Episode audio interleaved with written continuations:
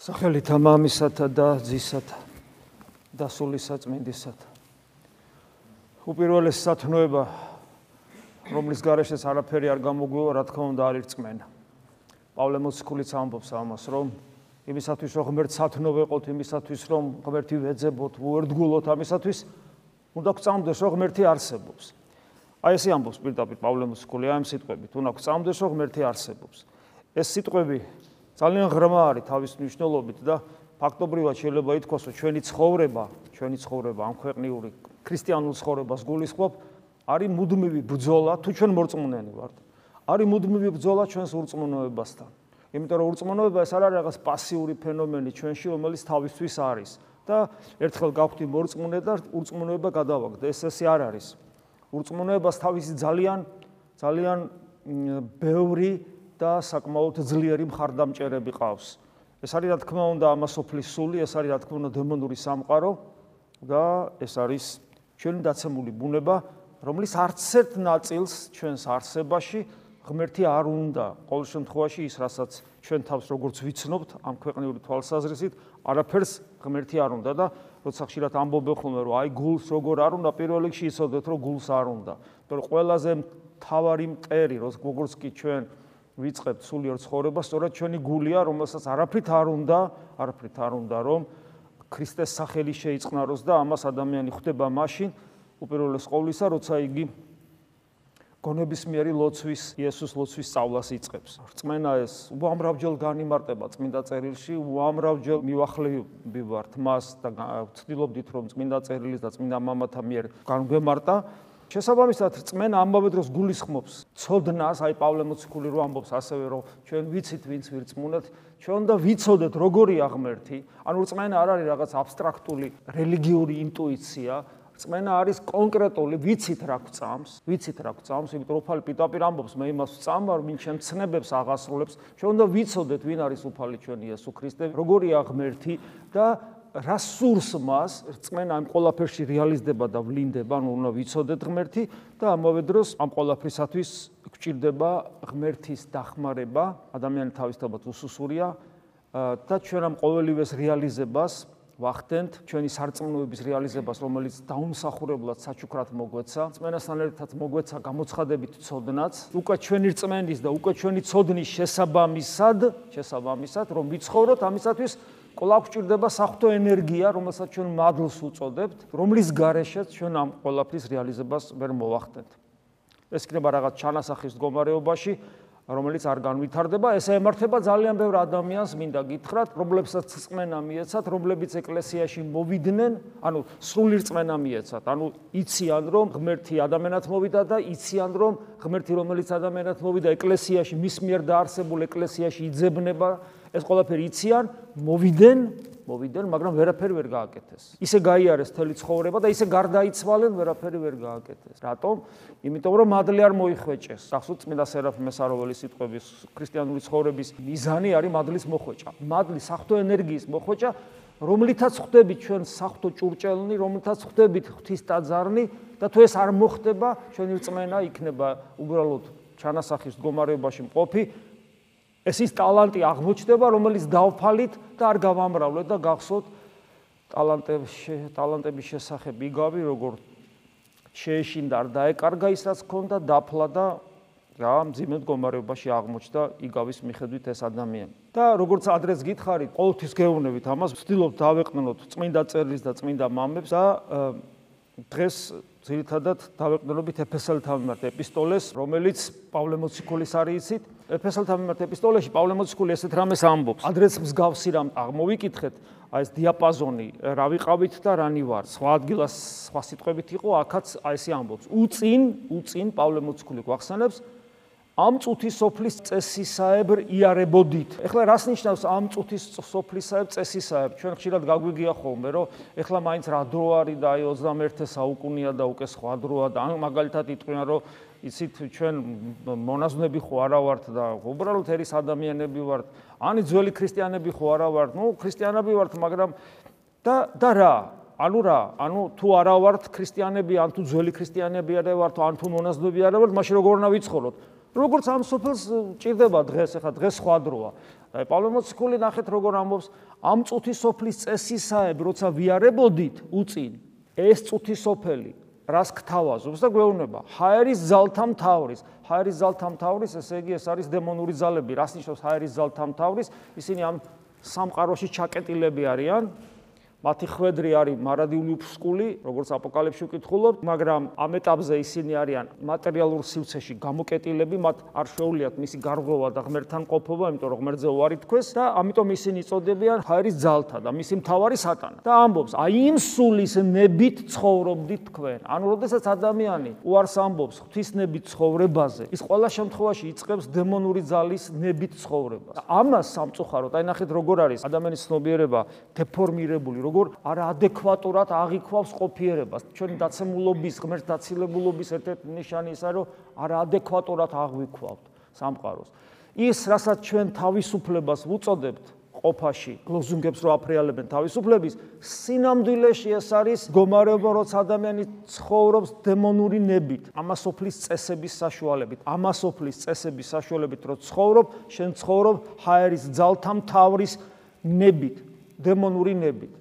რომელიც შენში ახდენს გაძლიერებას იმ მიდრეკილებებისა, რომელიც თავის დროზე მოგვეცა მემკვიდრეობით ადამიანიდან, ეს არის ეგოიზმის, სხვადასხვა გამოვლენებების, სიამაყის, ამპარტავნების, ანგარების, შურის, უსიყვარულობის, მრისხანების და ასე შემდეგ. აი, ამგვარად ვიყავით მკვდარნი, ხას უსვავს. წმინდა წერილი ამას ბრავაგზის და ახლაც კიდევ ერთხელ ეს უნდა გვახსოვდეს ჩვენ, რომ აი, გლოვარებაზე მამები რო წერერო, ადამიანი როგორ უნდა გლოვობდეს თავის თავს, როგორც ადამიანი გლოვობს უახლოეს ადამიანს გარდაცვლილს. ანუ ჩვენი სული არის მკვდარი და საკუთარ სულს ქრისტიანი გლოვობს როგორც მკვდარს. ეს არის მგლოვარება, არა უბრალოდ წუხილი, მგლოვარება, იმიტომ რომ მისი გაცოცხლება ღმერთის გარეშე არის შეუძლებელი. მას არ შეუძლია საკუთარი თავის რეანიმაცია, ის როგორც აღმოსავლური რელიგიები გვთავაზობს. არ შეუძლია ამის გაკეთება. ამიტომ მკვდარნი ვარ, მაგრამ აქ პავლე მოციქული კიდევ ერთ რამეს უსვავს ხას. დარნი ვარ, მაგრამ არა მხოლოდ იმიტომ, რომ გენეტიკური მემკვიდრეობა გვაქვს ადამიანისგან, არამედ ბრალეულობით. და ეს ბრალეულობა ჩვენი ბრალეულობაც არის, იმიტომ რომ ხშირად არის ხოლმე ადამიანებში პროტესტი, რომ აი მან დააშავა ადამა და მე რა შუაში ვარ. როგორ არა ხარ შუაში? ნუ თუ შენ თავს არიცნო. ეხლა მე როგორ შემილია, როგორი უსინდისო უნდა ვიყო მე, რომ თქვა რომ მე ცუდი, იმიტომ ვარ და ჩემ ცხოვრებაში რაღაცები რაც მიკეთებია ცუდი, იმიტომ მიკეთებია. ადამის ბრალია. ეს არის უსინდისობა, ჩემი ხედავ, იმიტომ რომ ძალიან კარგად მახსოვს. მე როგორ ჩემი ქმედებები, როგორ იყო სინდისის წინააღმდეგ მიმართული. სინდისი ხომ მქონდა? ხო ვეწინააღმდეგებოდი ჩემ სინდის. რა თქმა უნდა მიდრეკილებები მქონდა, რა თქმა უნდა. იმიტომ რომ ადამიანის მემკვიდრევა, მაგრამ, მაგრამ ძალიან კარგად მახსოვს კიდევ ერთხელ ვიმეორებ და ჩემ თავზე ვიტყვი, თქვენზე არ ვამბობ. მე უნდა ვიყო უსინდისო ყველაფერი ადამიანს რო დავაბრალო. ამიტომ უამრავი რამ, რაც მე დამემართა ეს არის მხოლოდ ჩემი, ჩემი ბრალეულობის და პავლე მოციქულის განმამტკიცებს ჩემს პოზიციაში, რომ ბრალეულობით ყდარი იყავი, შენი ბრალი იყო თეოდორე და იმიტო იყავი ყდარი. მაგრამ ნუ გეშინია და აგზელებს ქრისტესთან ერთად გაგვაცოცხლა. ქრისტესთან ერთად. და მე ამბობს მადლით ახართ გამოხსნილი. მადლით ისევ საფრთხო ენერგიაზე მე ანიშნავს ქრისტესთან ერთად ე ქრისტესთან ერთად ქრისტესთან ერთად რომ მაცოცხლებს ესე იგი ეს რას ნიშნავს ჩვენს პირად ცხოვრებაში? ეს ძალიან მნიშვნელოვანია ასევე. ჩვენ აი სულ უნდა გქონდეს აი ამის ინტუიციაც ესე უნდა მუშაობდეს ქრისტიანის და ამის რეალური განცდაც უნდა გქონდეს. ჩვენ მონათლულები რო ვართ, თუ ჩვენი ნათლობა რეალიზდება რწმენით, იმიტომ რომ თუ ადამიანს არ წამს და ისე ინათლება, უსიცოცხლო ბავშვით არის რა, ქვაზე დადებული ხორბლის მარცვალივით არის, რომელიც აი ესე იქნება 1000 წელი და არაფერი არ მოხდება. წმენა ჭირდება, ანუ ჩვენი მხრიდან ჭირდება თანამშრომლობა. და თუ ესე იგი მე რწმენით მონათლული ვარ და თუ მონათლული ვარ და მე რწმენა უნდა ის ნიადაგი მიანიჭოს აი ამ მარცვალს თუ წმენის მიერ ნათლღებული ვარ მოდი ესე ვთქვათ ხო? მაშინ მე ქრისტესთან ერთად ცოცხლდები და კითხვა ჩდება მე თუ წმენის მიერ მონათლული ადამიანი ქრისტესთან ერთად გავცოცხლდი უნდა ვგზნობდე თუ არა ამას? და ეს ისევის უწინ როგორი ვიყავი?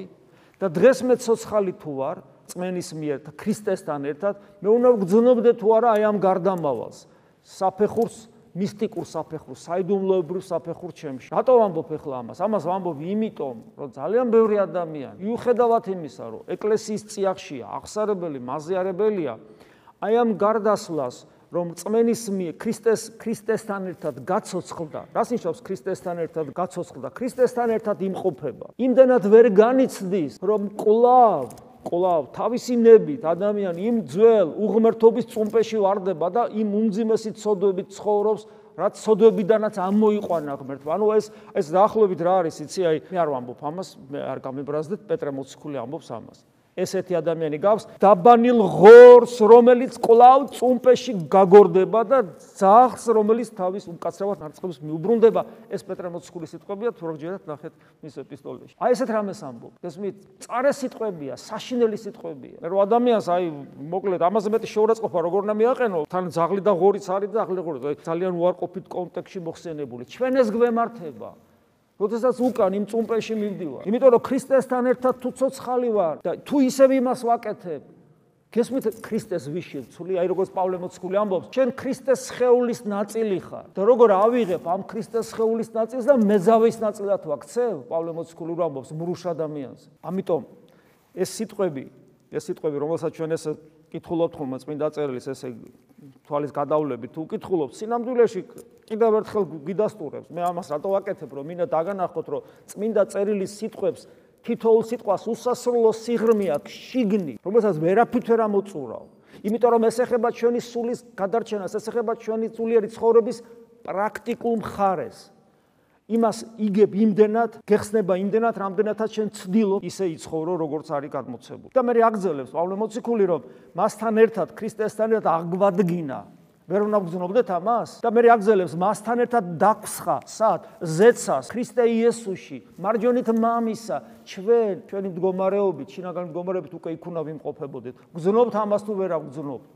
და როგორ ვიგზნობთ, როდესაც არ თანამშრომლობ? ანუ ჩემი რწმენა მკვდარია. ყველაფერი მეძლება რაღაცა ესე დაუმსახურებლად, მაგრამ მე არ თანამშრომლობ. არ ვფიქრობ ამაზე. აი, შემონახალი ღვთისმოწყალე ამბობს, თუ არ ვხდები კი ის ამბობს, რომ აი ადამიანს სულ უნდა კონდეს, აი ადამიანი ხო ფიქრობს და ჩვენი ფიქრი ხო ესე ხო გამოგვიცდია, რომ ჩვენი გონება თავის ჭკუაზე ფიქრობს. ოცნებები რო გვიტაცებს ხოლმე, რომ აი ხანსა და ხარ, ხანსა და ხარ. ხა ამას ადამიანი მაინდა-მაინც ამაზე არ წუხს ხოლმე. მაგრამ როგორც კი ადამიანი სულიერ ცხოვრებას იწყებს და როცა ადამიანი ცდილობს, რომ გონება მოიკრიბოს და კონცენტრირებული გახდეს, რაღაც გარკვეულ საკითხებზე, ღირებულებებზე, აი შეიძლება ვადრი ხოლმე, აი მაგალითად ქირურგის ხელი ან აი სნაიპერის ხელი თქვათ, ხო? ორივეს ძალიან ესეთი მყარი ფსიქიკა ჭირდება, ქირურგსაც და სნაიპერსაც მყარი ფსიქიკა, რომ მისი ხელი საერთოდ არ უნდა კანკალდა, აბსოლუტურად უნდა ემორჩილებოდეს მის ნებელობას. და ამიტომ ყველა ადამიანი ვერც ქირურგად გამოდგება და ყველა ადამიანი ჯამთელი ადამიანი ყველა ჯამთელი ადამიანი ვერ გამოდგება ქირურგად ყველა ჯამთელი ადამიანი ვერ გამოდგება სნაიპერად იმიტომ რომ ის ნერვული სისტემა არ იძლევა იმის საშუალებას რომ აბსოლუტურად ემორჩილებოდეს ხელი აი პატარა ძრაც არ უნდა ქონდეს ხელს ხო ესეა აი დაახლოებით აი ესეთი რაღაცა აქვს ჭირს ჩვენს გონებას. ჩვენი გონება ჩვენ არ გვემორჩილება, ადამიანს ეს ნაკლებად აწუხებს. ზოგადად, მით უმეტეს თუ არ ცხოვრობს რაღაც ისეთი მეცნიერული ან შემოქმედებითი ცხოვრებით მაინც, მაგრამ აი ქრისტიანი როგორც კი სულიერ ცხოვრებას იწყებს, იმ წამს უგზნობს, რომ სერიოზული პრობლემა აქვს. მისი გონება მას არ ემორჩილება. და ჩვენი გონება დაფრინავს საერთოდ რაღაცებს თავისთვის ფიქრობ და ჩვენ უნდა ვისწავლოთ ჩვენი გონება მიუმართოთ ღირებულებებისკენ, მარადილი ღირებულებებისკენ და სიმონახალი ღვთისმოწყალე ამბობს, რომ თუ ადამიანის გონების საკვები ძირითადად ლოცვა ერთი მხარია, ლოცვის დროს უნდა კონცენტრირებული იყოს გულში და ლოცვის სიტყვებში და ვიცით ეს როგორი აუღებელი ციხესიმაგრეა ჩვენთვის, მაგრამ აი სხვა მხრივ, როცა ფიქრობს ადამიანი, უნდა ფიქრობდეს საფრთხო საგნებზე. ვინ არის ღმერთი და რა გააკეთა მან შენთვის, როცა ის მოვიდა ადამიანად. გესმით ჩვენ ამას ვერ ვერ ვერ ვითავისებთ ბოლომდე და ადამიანი რომელიც ამ საკითხებზე სულ ფიქრობს, ფიქრობს, ფიქრობს, ფიქრობს, ფიქრობს, მაშინ მისი გონება აღარ არის გაბნეული და მაშინ ჩვენ ნელ-ნელა ჩვენი გული ხდება გამწდელი მადლისა, რომელიც ჩვენში იმყოფება. გამწდელი ის მადლისა, თორე როგორ შეიძლება რომ აღვადგინა მასთან ერთად, მასთან ერთად დაგსხვა ზეცას ქრისტე იესოში და ჩვენ ამას ვერ გზნობდე და ვერ განვიცდიდეთ, ვერ გზნობდე და ვერ განვიცდიდე და მე ამას ამ დიდებულებას და ამ ღირსებას ვცვლიდეთ იმ წუმპეში, საიდანაც უფალმა ამოგვიყვანა. და თან ეს ყველაფერი როდის დაიწყო? ჩემი დაბადებით კი არ დაიწყო. აი როცა ამბობ უწინ მე უწუნო რო ვიყავ იმის წინ დავიბადე, ხო? არა. და პავლე მოგცული გვეუბნება, ვინაიდან ქვეყნიერების შექმნამდე ამოგვირჩია მასში. ამას ხო წმინდა წერილში აი ამ მოცემულობას ბერჯელ ხვდებით, რომ ჩვენ ამორჩეული ვართ დიდი ხანია უკვე. ანუ ღმერთის სამყაროს რო ქმნიდა ქვეყნიერების შექმნამდე. აი სანამ ამბობს უფალი იქმენ ნათელი და იქნა ნათელი და სანამ შეიქმნა მთელი ეს გრანდიოზული კოსმოსი. მანამდე თეოდორე უკვე ღვთის მეხსიერებაში იყო. ამიტომაც ამბობენ წმინდა მამები რომ არა ბუნებითად ბუნებით ადამიანი ქმნილია და თავის დროს დაიბადა და ბუნებითად ის მარადიული არ არის მაგრამ აი როგორც ბუნებით ბუნებითად ადამიანი ღმერთი არ არის. მაგრამ თავისი მდგომარეობით ადამიანი ხდება ღმერთი და ღმერთის შვილი და მარადიული. იმიტომ რომ ღვთის ენერგიით ის მარადულად იარსებებს, საფრთხო ცხოვრებით იცხოვრებს და იმიტომაც რომ სანამ სამყაროს შექმნიდა, სამყაროს შექმნამდე უკვე მე ღვთის მეხსიერებაში ვიყავი. და სამყარო საერთოდ ჩვენთვის შეიქმნა, იმიტომ რომ თევზისთვის აღარ ამიშოლობა აქვს, სამყარო არსებობს თუ არ არსებობს. ჩვენთვის არის ეს. რა თქმა უნდა, ჩვენ ამაზე ამას რომ ამბობთ ხოლმე ირონიულად გვიყურებენ ინტელექტუალური ადამიანები, ამათვის შეიქმნა სამყარო, მაგრამ ვერ ხვდებიან რომ აი ამ ირონიულ ყურებაში როგორ აკნინებენ ადამიანს როგორც ასეთი მათ შორის საკუთარ თავს და თუ ესეთი დაკნინებული ხარ არაფერი არ ახარ და მტვერი ხარ და ხვალ საერთოდ გაქრები. მე ზემოდა რატომ მიყურე მტვერმა მტვერ შეიძლება უთხრას რომ შენ შენ მტვერო თუ რა რა ვიცი რას ნიშნავს ეს? ანუ ეს მათი ქმედებაში ლოგიკა არ არის მაგრამ აი ქვეყნიერების ვინაიდან ქვეყნიერების შექმნამდე და არა მარტო შემქმნა არა მარტო მიხსნობიერებაში ვარ ამოგვირჩია. ეს ცალკე თემაა კიდე. მოწოდებული, ამორჩეული. ჩვენ მოწოდებული ვართ, მოგვიწოდა. მე თქვენ არა არა თქვენ, არამედ მე გიპოვნე თქვენ ქრისტიან ბოს. მე მოგიწოდე თქვენ. ანუ ეხლა კი არა ვარ მოწოდებული. ანუ თურმე ჯერ სამყარო არ არის შექმნილი უკვე მოწოდებული. რა პასუხისგებლობის წინაშე უნდა დავდგე ხლა ამბია. რა უნდა გავაკეთო, რომ აი ეს ღმერთის ანამ სამყაროს შექმნიდა, ის უკვე მე მიცნობდა იმიტომ რომ დრო ხო არ არის ღმერთში და თურმე მე თეოდორე სოდულს ღმერთი მიცნობდა მანამდე სანამ იტყო და იქმენ ნათელი აი მანამდე მიცნობდა თურმე ეხლა მე რა გავაკეთო? რა პასუხისგებლობის ქვეშ დავიდგე როგორ როგორ გავაგზელო მე ჩაოლებრივი ცხოვრება? აი როგორ როცა მე ეს ვიცი. გესმით? როგორი პარადოქსალურია ჩვენი ცხოვრება? ჩვენ ეს ვიცი და ცხოვრო ჩაოლებრივ ვითომც არაფერი და დაგიბღვერ რაღაცა გეჩხუბები გავღიზიანდები სულ მოკლებას ვავლენ წუწუნებ გესმით? აი ვიღაცა იტყვის კაცო ხო მაგრამ და რა მაგრამ ეს არის რწმენა. და თუ ეს არ აქცემს სადი მაშინ აკრას დგახარ. ეგ არის რწმენა. ჩვენ რო ამბობთ რომ მორწმუნენი ვართ, აი ეს აქცემს. სხვა კი არაფერი. კი არ უნდა გამოვიგონოთ რამე. აი ჩვენ ეს გვწამს. ეს ამას ნიშნავს ხარ ქრისტიანი. და ნახეთ რა პასუხისგებლობით ვიტვირთები. ნახეთ როგორ აგძელებ. ამოგვირჩია და რატო? რათა წმინდანი და უბიწონი. წილი ვერ იქნება ვერ წმინდა და ვერც უბიწო. ვერც ქვა, ვერც მთვარე. ვერც სპილო, ვერაფერი, ვერც მაიმუნი, მხოლოდ ადამიანს შეუულია. რატომ? ისიც იმიტომ, რომ ღმერთის ხატი და მსგავსია.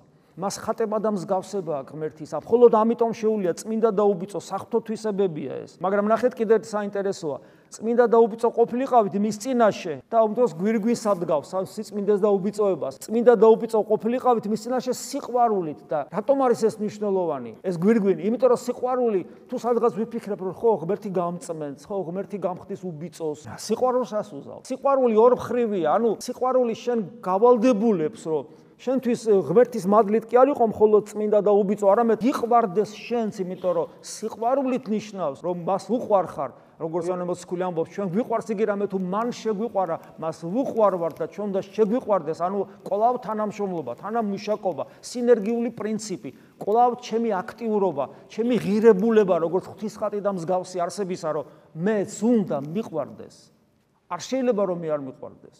და თუ მიყვარს, ეს რას ნიშნავს? ხო გვესმის, ეს არის ფაქტობრივად აი შენი შენთაგან შენ და შენ წირველი თავგანწირული ცხოვრება ასაც ქვია პიროვნული ცხოვრება სულთა და პიროვნების რეალიზება. თავისი ნებისაებრ წინასწარვე განსაზღვრა. აი ღვთისნება რა არის ღვთისნება? ადამიანები კითხულობენ რა არის ღვთისნება? წმინდა წერილში არის უამრავ ადგილას. ფაქტობრივად თითქმის ყველგან ღვთისნება ჩანს. ერთ-ერთი ეს არის. თავისი ნებისაებრ წინასწარვე განსაზღვრა ვეშვილებინეთ იესო ქრისტეს მეშვეობით. აი ღვთისნება, რა არის ღვთისნება? მას უნდა რომ ჩემნაირი ცოდვილი ადამიანი თეოდორე იყოს მისი შვილი. აი ეს უნდა, არა მონა, არა მსახური, არა ცხოველი, არა საგანი, არა ქმნილება, უბრალოდ არამედ შვილი უნდა. შვილი. ქრისტე იესოში რატო ამბობს? იმიტომ რომ იესო ქრისტე ბუნებითი შვილია და აი როგორც ბუნებითი შვილი ეგეთი, ანუ თანამემკვიდრე როგორც პავლე მოციქული ამბობს, ანუ ნამდვილი შვილი. არა უბრალოდ გვარი მომცა, არა უბრალოდ სახელი დამარქვა, არა უბრალოდ რაღაცა ფორმა მომცა, არამედ ნამდვილი შვილი, მადლის მიერ, მაგრამ ნამდვილი. ამიტომ რადგან მე შვილი ვარ, მე აგძელებს და გვაუწყა თავისი ნების საიდუმლო.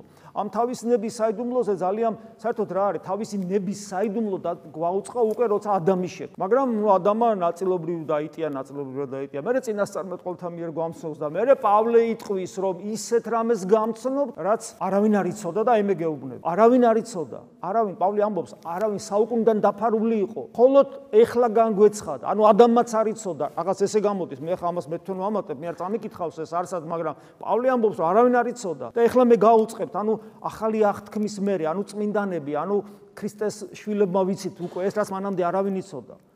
ხო? აი ეს ეს საიდუმლოს ღვთისნების საიდუმლოს ნელ-ნელა იხსნება, იმიტომ რომ არ შეიძლება იყოს ღმერთის შვილი და შენთვის რაიმე იყოს დაფარული, შენში მოხდა ღმერთის შვილობის რეალიზება, შენ ღვთისნების საიდუმლო გიცი და ეს რას ნიშნავს, იცით? ეს უბრალოდ კი ის კი არ არის ყურში ვიღაცამ ჩაქჩურჩულა.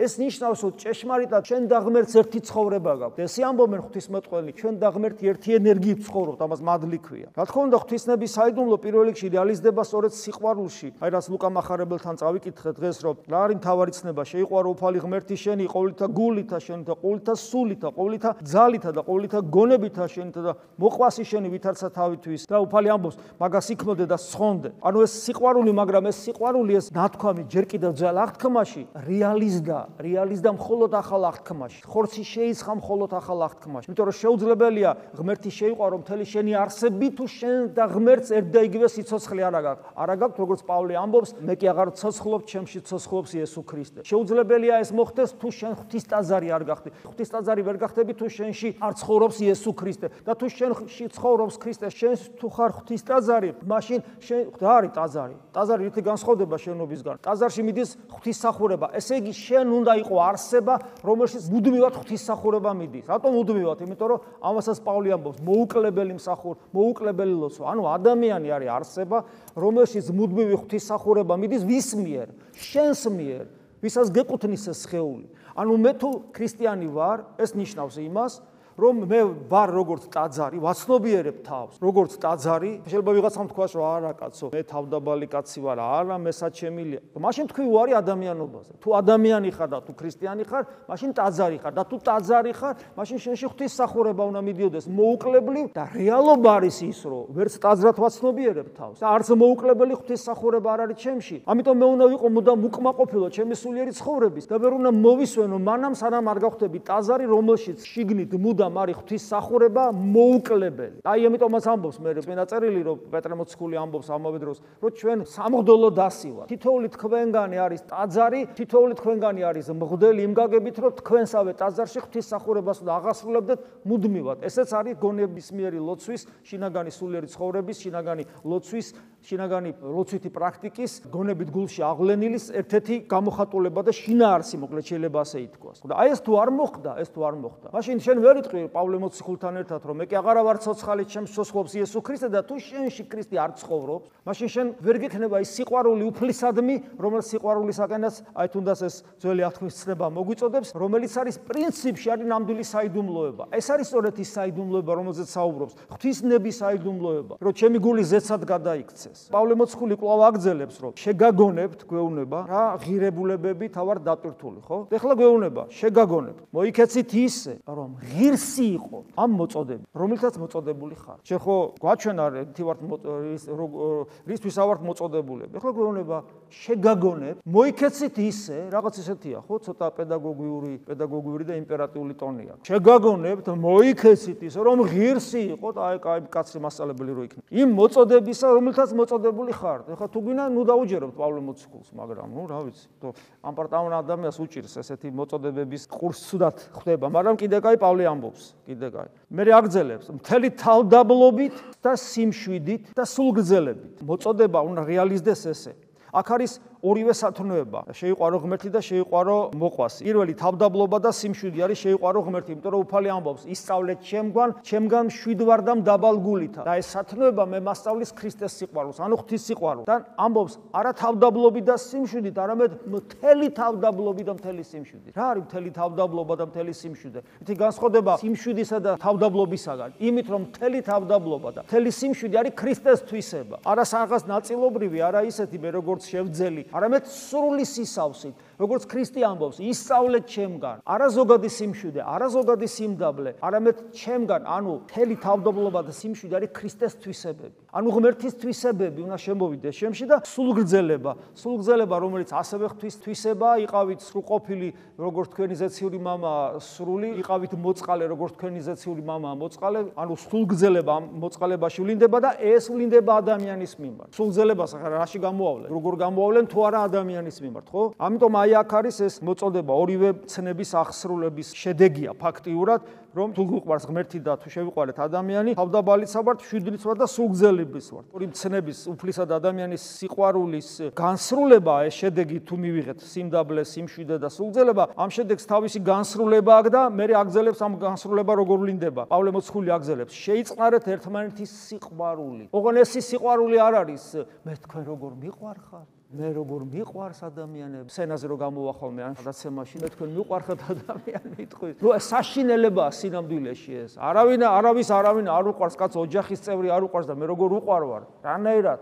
მაგის მეს რას ვაწყდებით და ღვდლებს ხო ეს პრაქტიკა გვაქვს ადამიანების ცხოვრებაში ვიხედებით და ძით რამხელა მიღწევა მგონია მე ხო მე რომ მე რომ ადამიანი მოვა და ამბობს რომ მეგონა რომ სიყვარული შემელოთ აღმოაჩინო რა არავინ არ მიყვარს. და მე ულოცავ ხოლმე ეს ადამიანს იმიტომ რომ უნდა მიხვდე რომ შენ ის ნამდვილი სიყვარული არა ის რაც ცხოველსაც რომ აქვს აი სახს რო პატრონი უყვარს არამედ ნამდვილი სიყვარული არა გაქვს ღმერთის გარეშე. თუ ამას ადამიანი ვერ ხვდება ესე იგი სურვილი ცხოვრება ხარვეზიანია. რაღაცას ვერ ხვდები რაღაცას ვერ წუდები ვერ ვერ აი მაგალითად მუსიკალური ნიჭი ვითარდება ხელოვნებაში არქიტექტურაში მუსიკაში პოეზიაში ეხლა ნუ თუ ეს არ განვითარდა ადამიანში ხო ადამიანს ფინანსას შეიძლება ნიჭი ქონდეს, მაგრამ განუვითარებელი დარჩეს. ასევე ასარწმუნოებრივ საკითხებში. და ეს უნდა განვითარდეს ჩვენში და ეს ძალიან მნიშვნელოვანია, ძალიან. ამიტომ არის სწორე განათლება, რწმენა, სწორცოდნასთან ერთად შერწყმულია და ესე ყველაფერი ერთად არის. და სიყვარულსაც ესე აღიქოვს მე ადამიანი ხვდება, რომ საფრთხო სიყვარული, რომელიც ახალ ცნებად იწოდება, სხვა რამეა და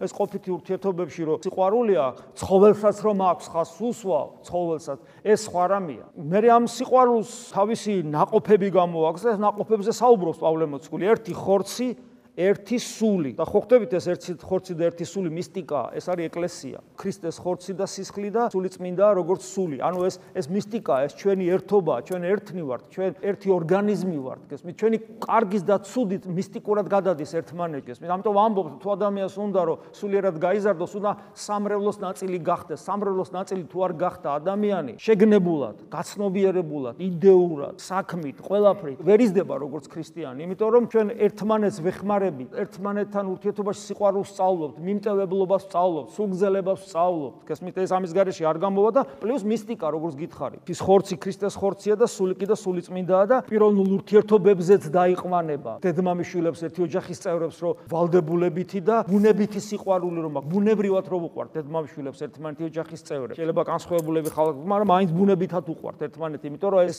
ახლოვებს, ხო, ადამიანური ხორცი და სისხლიც კი ახლოვებს და ქრისტეს ხორცი და სისხლი მით უმეტეს უნდა ახლობდეს და ჩვენს პიროვნულ ურთიერთობებზე ამას გავლენა უნდა გქონდეს, ამას უნდა გზნობდეთ და განმისდიდეთ, ერთმანეთი უნდა გტკიოდეს, ერთმანეთი უნდა გვიხაროდეს. როგორც მოწოდებული ხართ, ეს არის ერთი ხორცი და ერთსულა ცხოვრებისათვის ვართ მოწოდებულნი. მე როგორც გითხარით, თავიდანვე აი ამ ყველაფერში, რაზეც საუბრობდით, ვლინდება ჩვენი რწმენა, ერთი ღმერთი რო გწამს, ერთი რწმენა გვაქვს, ერთი სარწმუნოება, ანუ ვიცით რა გწამს, ბუნებრივია და ერთი რწმენა გვაქვს, ერთი საიდუმლოება, ანუ ნათლისღება, ზიარება, სინანული და ასე შემდეგ, ანუ ერთ ეკლესიის წიაღში ვიმყოფები, ცოდნა გვაქვს, ასევე აგზელებს, რომ ერთი ღმერთი და ყოველთა мама არის ყოველთა ზედა, მოქმედი ყოველთა მიერ და ყოფი ყველაში და ნეტარი ავგუსტინი ამბობს რომ აქ ამებაზე საუბრობს პავლე მოციქული. მადლი როგორც გითხარით, მადლი რომელიც ასე გვჭირდება ჩვენ, თითოეულ ჩვენგანს მოცემული აქვს მადლი ქრისტეს მიერი. ნახეთ როგორ ამ მადლი ქრისტეს მიერი, არ არ წმენის, ან ღვაწლის მიერი, არამედ ქრისტეს მიერი. ანუ რაც არ უნდა იღვაწო, რაგორი ცოცხალი რწმენა სითქოს არ უნდა კონდეს, ის ენერგია რომელიც გაქვს, ღმერთისგან გეძლება დაუმსახურებლად. ის ყოველთვის წყალობაა და